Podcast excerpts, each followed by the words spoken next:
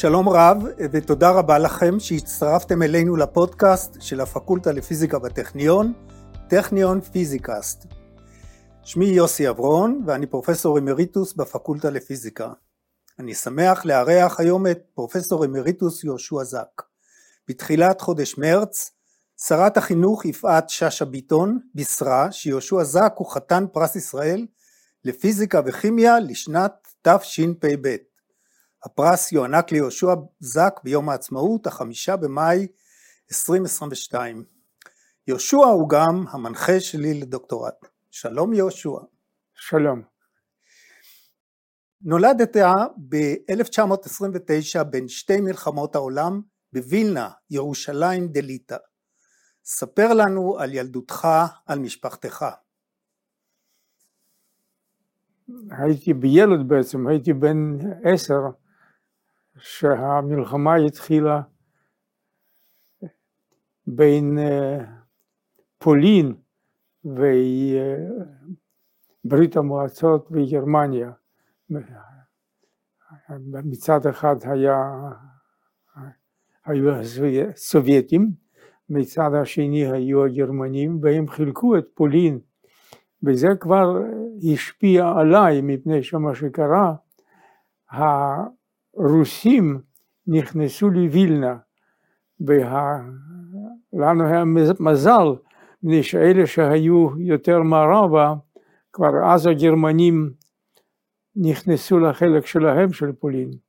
איך שלא יהיה, הכניסה של הסובייטים השפיעה עליי, מפני שהם אסרו על לימוד עברית.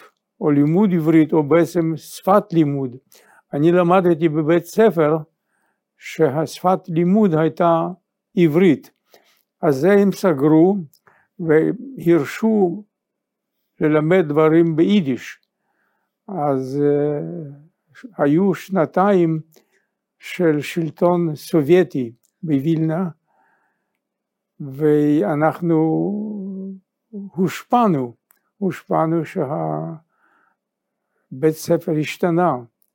אנחנו היינו צריכים, יש עוד דבר שהשתנה שעד היום אני לא מבין, הם לא רצו מבסוטים הסובייטים מזה שבעברית משתמשים באותיות סופיות, אז כל הספרים היה צריך לתרגם ולכתוב הכל באותיות רגילות, לא, אין, אין להם אותיות סופיות. הספרים שיצאו באותו זמן שהסובייטים הוציאו ביידיש, לא היו שם אותיות, אותיות סופיות. איך שלא יהיה זה השפיע על כולנו והרווחנו למעשה שנתיים שהסובייטים נכנסו לווילנה. באיזה שפה דיברתם בבית? בבית דיברנו יידיש ודיברנו גם פולנית בחצר, הייתה חצר ש... ש... הייתה חצר מעורבת גם של יהודים וגם של פולנים. אז למעשה השפת אם שלי הייתה יידיש, פולנית ועברית, ובאותו זמן כמה mm-hmm. שפות. אוקיי. אה, ב-1941 כבשו הגרמנים את וילנה והכניסו את היהודים לגטו והיית במחנה עבודה וגם במחנה ההשמדה בשטוטהוף. אה, תספר לנו על התקופה הזאת. זה בעצם התקופה, אני חושב שפחות או יותר בספטמבר הכניסו אותנו לגטו. עד ספטמבר המלחמה התחילה ביוני בין גרמניה ל... לרוסיה או לסובייטים. ושלושה חודשים אחרי זה הכניסו אותנו לגטו. ואז כבר נשארנו בלי בית, למעשה אנחנו היינו בגטו בחלק קטן מאוד של וילנה, שזה היה חלק יהודי, ואותם הוציאו משם והכניסו אותנו לגטו, זה היה העיר העתיקה של וילנה הפכה להיות הגטו של, של אותו זמן.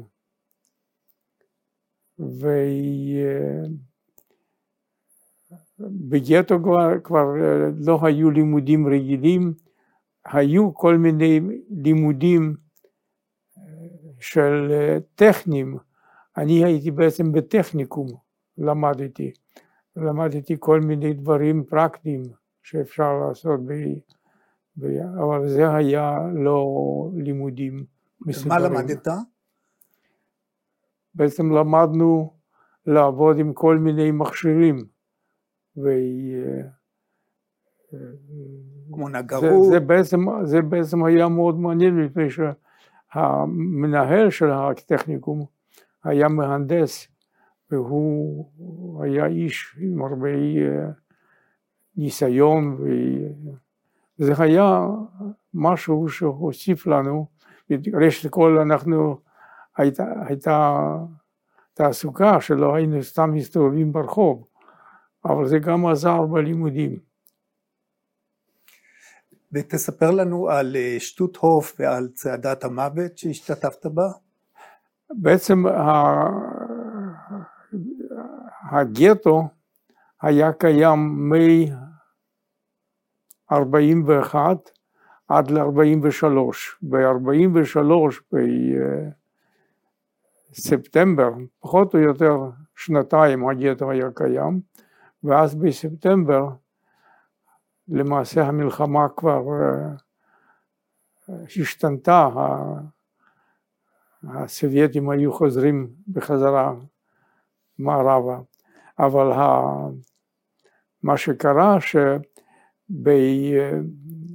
שבספטמבר אנחנו נשלחנו לכל מיני, כל מיני מחנות עבודה באסטוניה. אם מסתכלים על, המפה של, של החלק הזה של העולם, אז רואים שבצפון של אסטוניה יש מפרץ מאוד עמוק שמגיע עד ללנינגרד, כמעט עד ללנינגרד, וכל המפרץ היה מלא מחנות עבודה או מחנות בעצם אה, של, אה, של עבדים, זה היה, mm-hmm. קראו לזה עבודה, מחנות עבודה, אבל למעשה זה היה,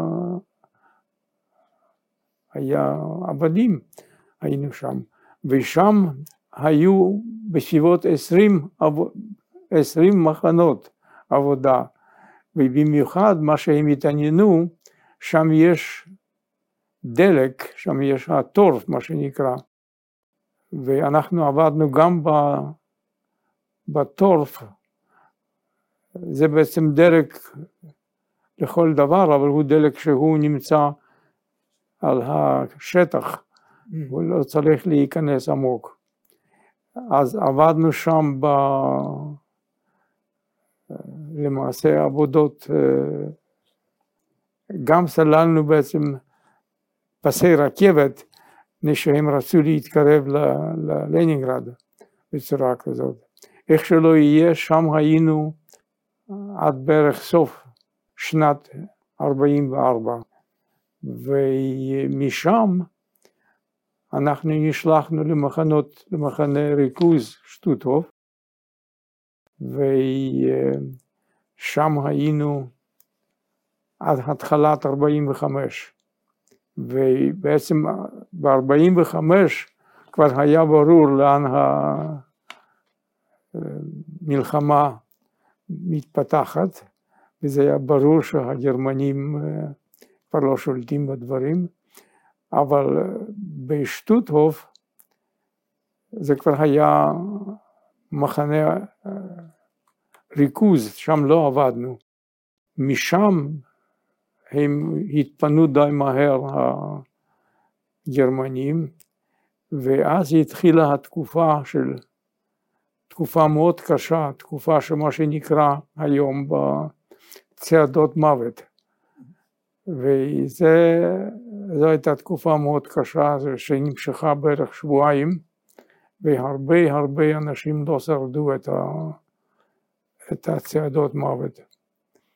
בעצם מה שקרה שדווקא החורף ב-45, התחלת 45, היה קשה מאוד, היה קר מאוד, והרבה הרבה אנשים לא שרדו, הם פשוט קפאו בקור הזה.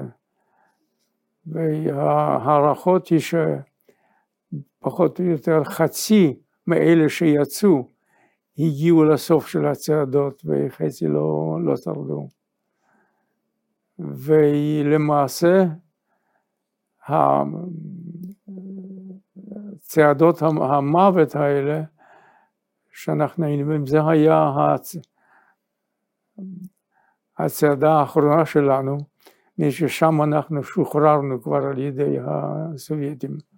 והיא קרה ככה שאלה ששחררו אותנו היו שני בחורים מווילנה על סוסים. היה מאוד מאוד אה, מרגש לראות אותם. ממש, אה, והם אמרו לנו שהם בעצם הולכים כל הדרך ממוסקבה, הם על הסוסים, והגיעו עד, עד סוף המלחמה. כשהיית בן 16, אם אני זוכר נכון, גויסת לצבא האדום. והגעת איתו עד ברלין. תספר. הייתי בעצם בן 15 וחצי. עוד לא הייתי בן 16. אני יודע ששחררו אותנו במרץ 45. אז עוד חסר לי חצי שנה להיות אה, בן 16. אבל זה היה הגיל הכי נמוך שלקחו.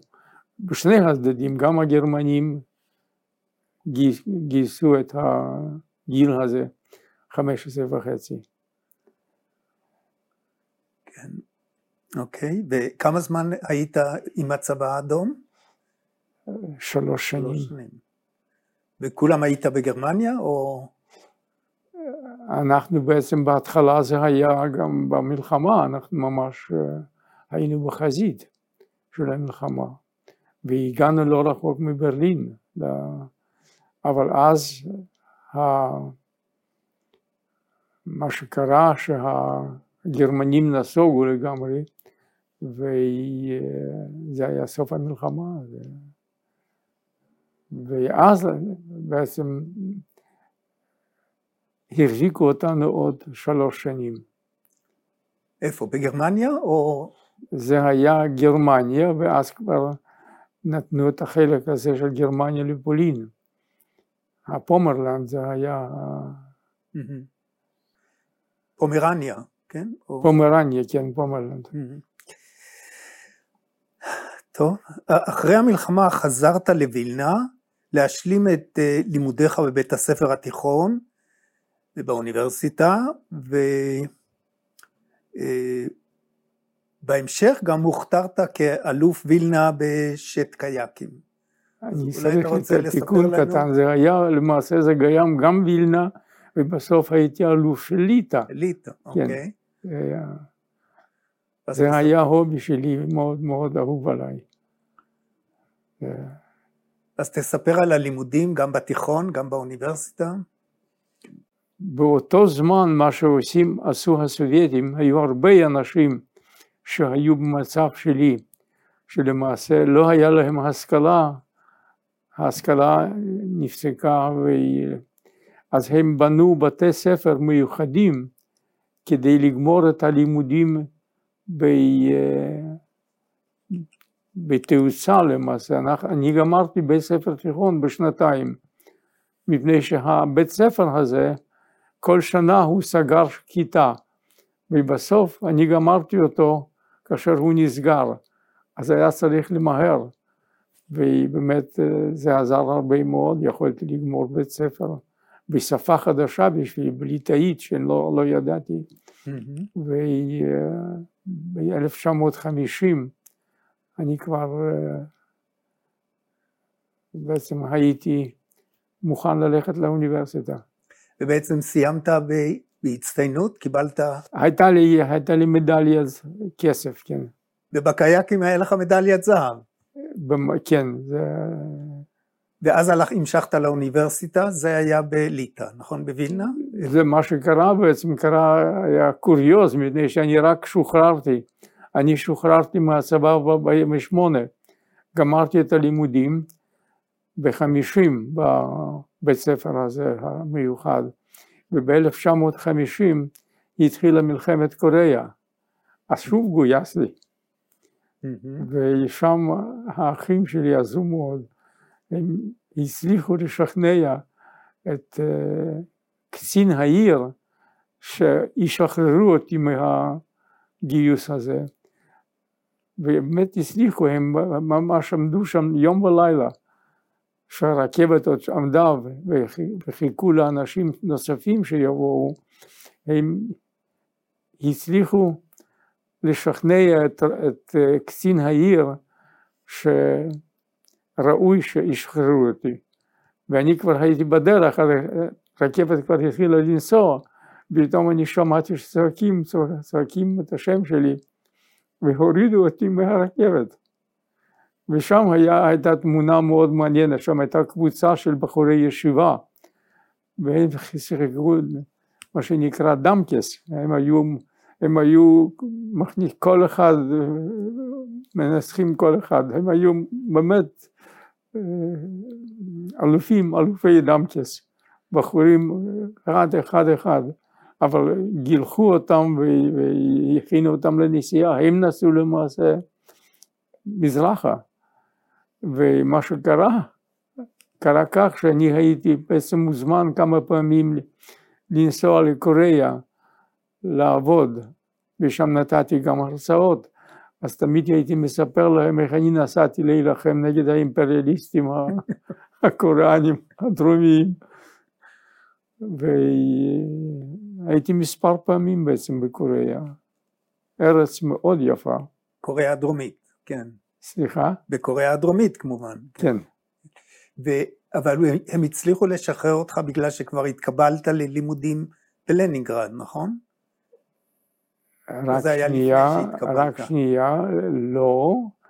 אני התקבלתי ללימודים בלנינגרד, זה כבר היה אחרי האוניברסיטה. Mm-hmm. אני גמרתי את האוניברסיטה ב-55, ואז אני... אהה, אוקיי. כן. זה בגלל שהיית סטודנט עדיין באוניברסיטה, או ב...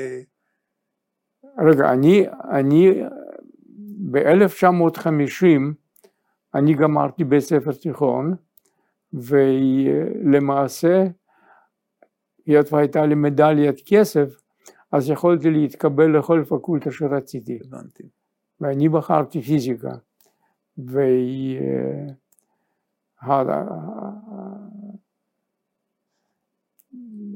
והכלל היה, מה שקרה שאחרי שאתה גמרת לימודים באוניברסיטה, היו שולחים אותך לשלוש שנים ל... להחזיר בעצם למדינה את מה שהם השקיעו בסטודנט. ולי קרה, היה לי מזל, אני נסעתי ללנינגרד והתקבלתי לבית ספר לימודי מוסמכים, וזה שחרר אותי מהנסיעה ללטביה, היה לי, המקום בשבילי היה בית ספר צבאי בלטביה, בעיירה שנקראת ליפאיה, וזה הייתי נוסע, אבל חזרתי מלנינגרד והיה לי מכתב שאני התקבלתי למה שנקרא שם בברית המועצות האספירנטורה, ושם היה דקן, איש יוצא מן הכלל, ואני חזרתי ואמרתי לו שהתקבלתי ללנינגרד, הוא חיבק אותי, ממש נשק אותי. וזה היה בעצם אה, אחד המרצים שלנו, הורודניצ'י קראו לו, איש יוצא מן הכלל. ובלנינגרד, עם מי כבר היה לך מנחה? כבר ידעת עם מי אתה רוצה לעבוד בלנינגרד, או זה עוד... לא, לא, אנחנו היינו צריכים לעבור בחינה. הייתה בחינת כניסה. היית צריך, היית צריך לעבור בחינה העיקרית זה היה מרקסיזם לניניזם, ושם הרבה נפלו. ואז הייתה בשפה, באנגלית, והייתה עוד בחינה במקצוע. והבחינה במקצוע הייתה מאוד קצרה. זה היה בעצם הבחינה גורביץ', שהיה אחר כך המנחה שלי, קיבל אותי. והוא שאל אותי שאני אכתוב את משוואת ניוטון, אז כתבתי לו, והוא אומר, עכשיו אתה תכתוב מה קורה אם אתה עובר ל...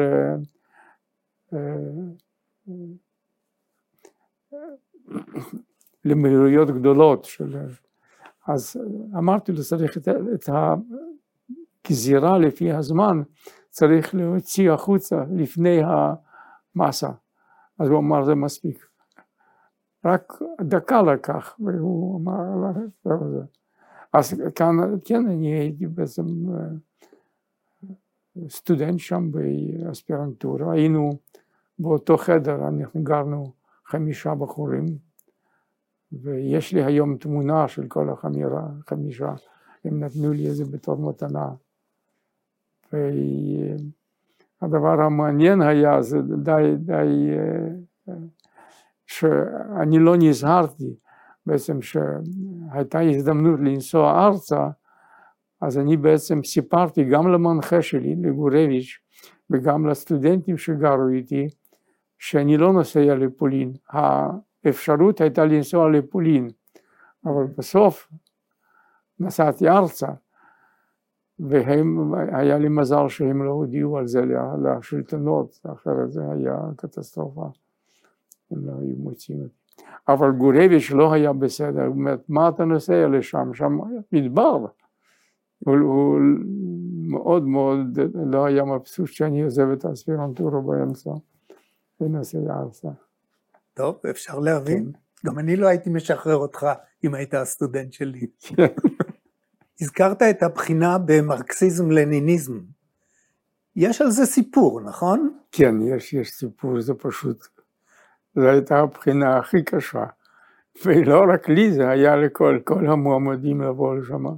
היה לנו שבועיים לעשות את כל שלוש הבחינות, את השפה, את המקצוע ואת המרקסיזם-לניניזם. אז אה, מה שכולם, בלי, בלי אה, הבדל, מה, ש, מה שעשו, את המרקסיזם-לניניזם היה בסוף, האחרונה, אחרי שבועיים. שאנחנו יכולנו להתכונן. ואת השפה ואת המקצוע עברנו באותו יום. זה היה משהו קל, אבל המרקסיזם ליניזם, אני קיבלתי ארבע, לא, לא חמש, והם הסבירו לזה, לא הייתי מספיק נרגש מזה שאני אספר על הדברים הגדולים של סטלין ולנין. זה היה, והיו הרבה הרבה בדיחות על זה. הבחינות האלה של מרקסיזם לניזם. וזה היה רציני מאוד, אתה יכולת להיכשל בקלות.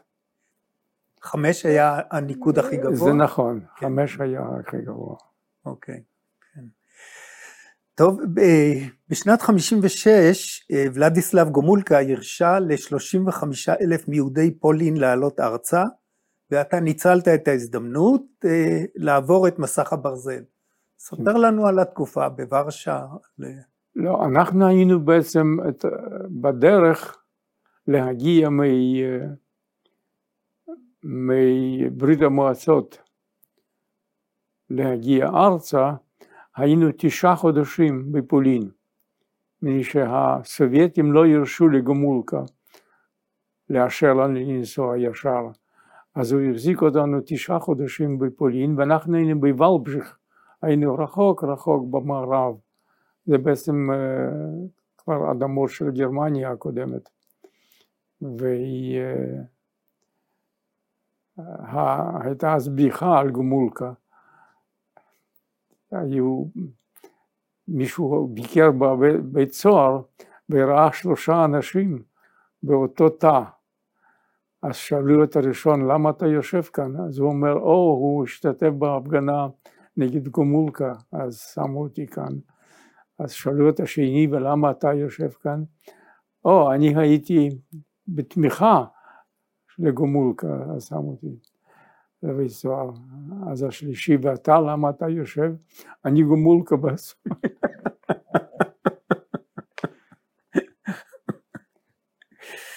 כן. לא, אני עבדתי בחנות ספרים, דווקא הייתה תקופה מעניינת. הייתה, היה לי חלק של האימפורט של הספרים שבאים מברית המועצות. היה די מעניין, תשעה חודשים עבדתי בחנות. איך קראו? זה היה עיר קטנה? זה לא היה בוורשה, נכון? לא, לא, זה היה בוולבריך. ולבליך? ולבז'יך, ולדנבורג בגרמנית. Mm. זה לא רחוק מברסלו בעצם. Mm. ברסלו זה הייתה העיר הגדולה, גם נשארה בעצם. ב-1957 הצטרפת לטכניון אה, ועשית את הדוקטורט בנושא של אה, סימטריות במוצקים על חבורות אה, לא סימורפיות. בהנחיה פורמלית של נתן רוזן אבל גם נסעת לבקר את יואל רקח בירושלים כן. שגם הדריך אותך. אז ספר על הימים הראשונים של הטכניון. הפקולטה הייתה אז צעירה מאוד. לא, אני צריך באמת לתת את כל הקרדיט לנתן רוזן. אני בעצם באתי ממש בסוף דצמבר באנו ארצה של 57, ממש בסוף דצמבר. ובאותו יום שבאנו, למחרת, אני טילפנתי לבקש פגישה עם מישהו שיקבלו אותי להמשיך את העבודה שלי שהתחלתי בלנינגרד. אז ברוזן אמר לי תכף שאני אבוא ישר אליו. האחרים נתנו לי את האדמיניסטרטור הראשי כדי לקבוע זמן איתו מתי הוא, הוא יראה אותי. כל, כל הכבוד לנתן. הוא, הוא בעצמו, הוא בעצמו הופיע ודיבר איתי וקיבל אותי במקום לבית ספר לימודי מוסמכים.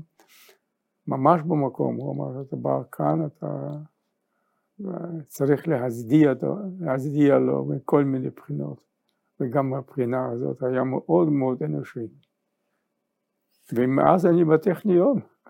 סיפרת לנו אה, כשהייתה מסיבה אצל, אצל הנשיא, נשיא הטכניון, בקשר לפרס שלך, על, הסמ, על הסמינר הראשון שנתן רוזן שביקש כן, זה היה גם מאוד נחמד, גם מאוד נחמד. הם, אז היה גם פרופסור אורח בשם שוורץ מארצות הברית, שהוא היה מבקר בארץ, היו לו בעיות עם הביקור שלו, אבל יום אחד רוזן הגיע אליי, הוא ידע איפה אני יושב, ושאל אם אני מוכן לתת סמינר על הדברים שעשיתי בלנינגרד.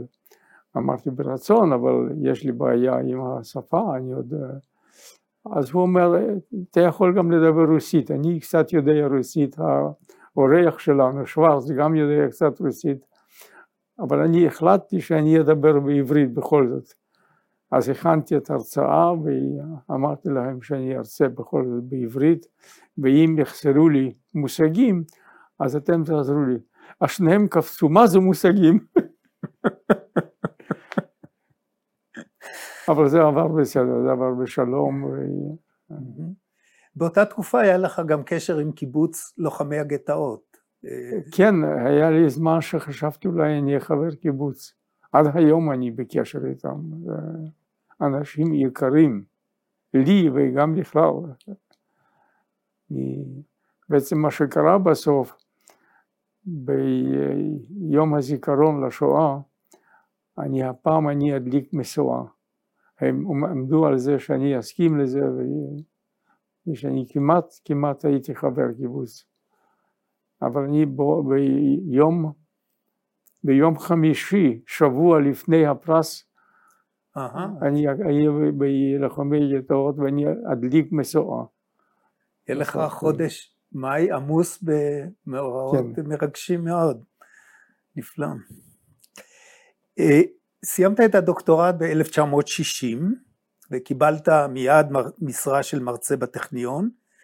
ובשנת 1963 אה, בן לקס הזמין אותך למעבדה הלאומית במסצ'וסטס, ב-MIT, כן. למגנטיות, ובאמת נסעת לאמריקה, ושם גם באותה שנה, גם, או שנה אחרי זה, כתבת את העבודה המפורסמת שלך על אה, חבורות ההזזה המגנטיות. אבל אני רוצה כאן לענות אה, לא, לא ישירות, יש משהו משותף שיש לך ולי. מה שקרה איתך, שהיית סטודנט שלי, יוג'ין ויגנר ביקר בטכניון. אולי אתה זוכר את זה, אני בטוח שאתה זוכר את זה. ומה שהוא עשה, יוג'ין ויגנר, יום אחד אנחנו היינו בחדר אצלי, אתה ואני, פתאום ויגנר נכנס לחדר. והיו לו שני ספרים, אחד הרבה כזה, ושני דק דק. והוא שאל אותנו, למה זה כזה דק, הספר הזה, והשני כזה עבה. ולפני שאנחנו יכולנו להגיד משהו, הוא אומר, אני אגיד לכם, אני אגיד לכם מה ההבדל. והוא אומר שהספר שהדק זה של פיירוס, והוא כתב רק בספר, רק דברים שהוא בעצמו הבין. אני זוכר את זה טוב מאוד. כן. ממש... לא, אבל אני צריך לגמור את הסיפור. הסיפור הוא היה שהוא דיבר איתך, ואחרי זמן מה הוא קרא לי שאני אצא איתו לפרוזדור. הנה יש משהו משותף שלנו. הוא יצא לפרוזדור איתי ואמר לו, אתה יודע, יש סטיפנדיה על שמי, על ויגנר, ואני מוכן לתת את זה ליוסי אברון. אבל הוא צריך להגיש בקשה. אני לא, לא בטוח שזה יעבור, מפני שאני לא מחליט. זו השיטה של וינר. ובאמת, אה, אני סיפרתי לך את זה, מה שיודן וינר אמר, וזה עבר בסדר, זה באמת, אה, מה המשותף? שאני נסעתי פעם ראשונה לכינוס, היה כינוס באיטליה, באיברנה, בלאגו די קומו. שם היה יושב ראש של הכינוס היה בן לקס, ואנחנו, הוא היה יהודי מאוד מאוד חביב. אנחנו, ביום אחד הוא אמר שהוא מזמין אותי ל-MIT. ומה שקרה איתך זה דבר דומה בעצם, שווינר פתח לך את העולם עם ה... נכון. עם, כן, עם ה... יש לי חוב. גדול כן. לוויגנר. ודווקא אני קיבלתי על זה על הראש, אני בעצם הייתי מזמין את האנשים כמה שיכולתי, הייתי ראש המכון באותו זמן.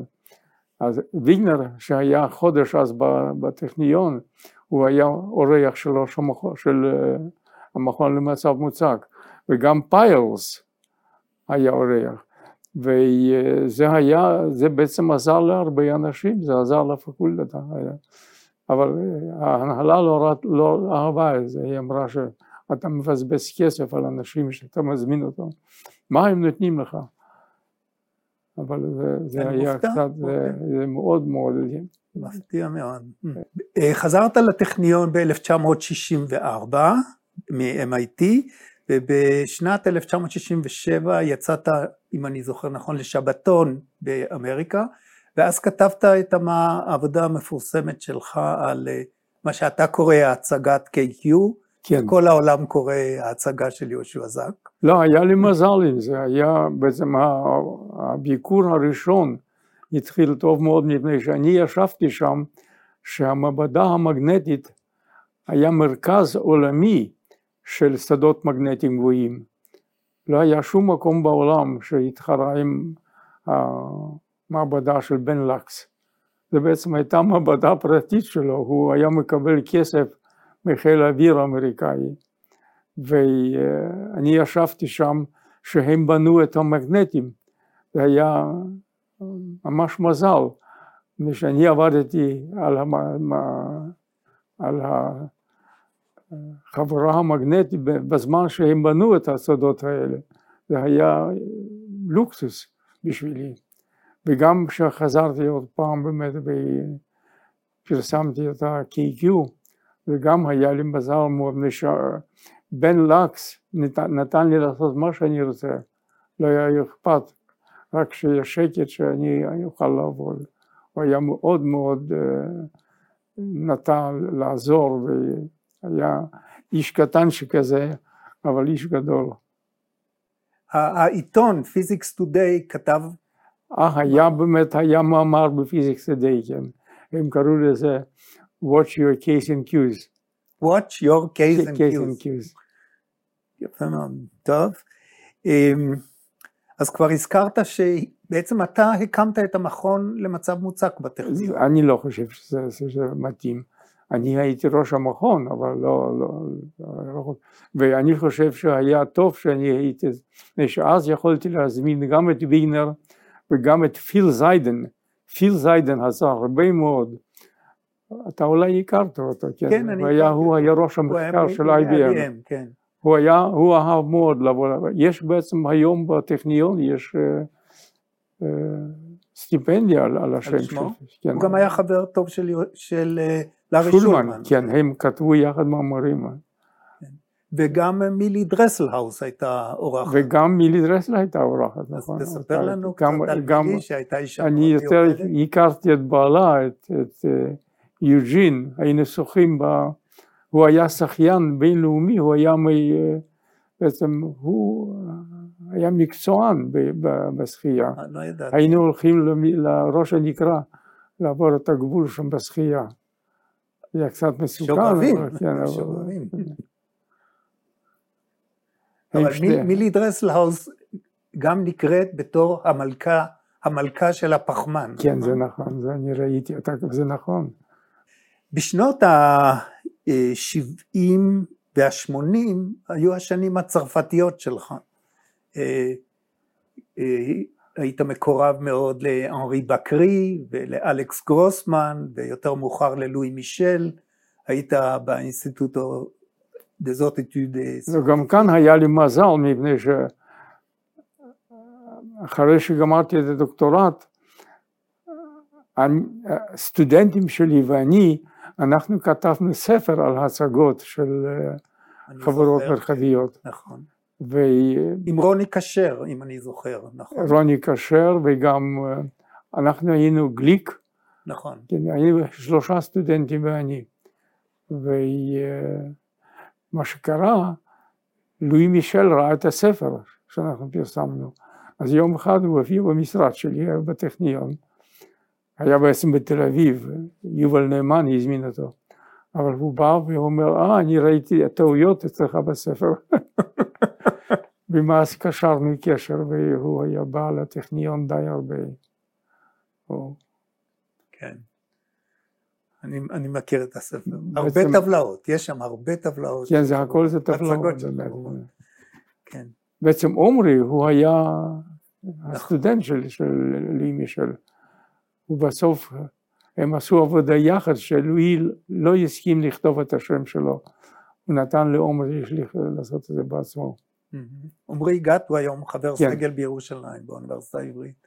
הוא היום כן. פרופסור, כן? כן, אני מתאר לעצמי שהוא כן, פרופסור בירושלים, כן, חבר סגל קבוע. טוב, אה, הגענו לנושא האחרון. אה, אני חושב שתמיד אהבת ספורט ופעילות בטבע.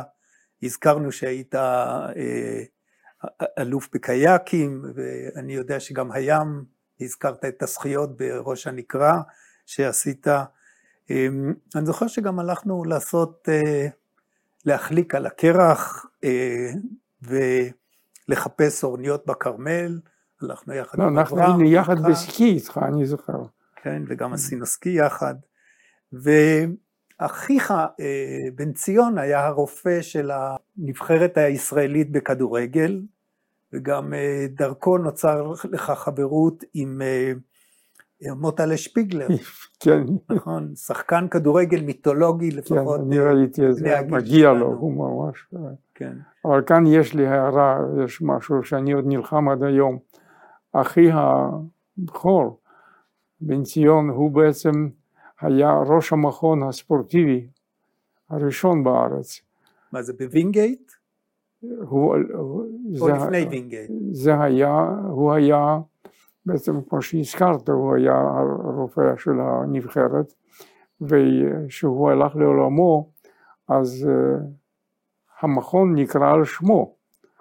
אבל מה שקרה עם הזמן, ואני נלחם על זה, הם את השלט שהיה הורידו, הם עברו למקום אחר, ואפילו לא יודעים איפה השלט. המכון עכשיו לא נקרא על שמו, אין מכון ואין, ואין עם מי לדבר, אני אדבר עם...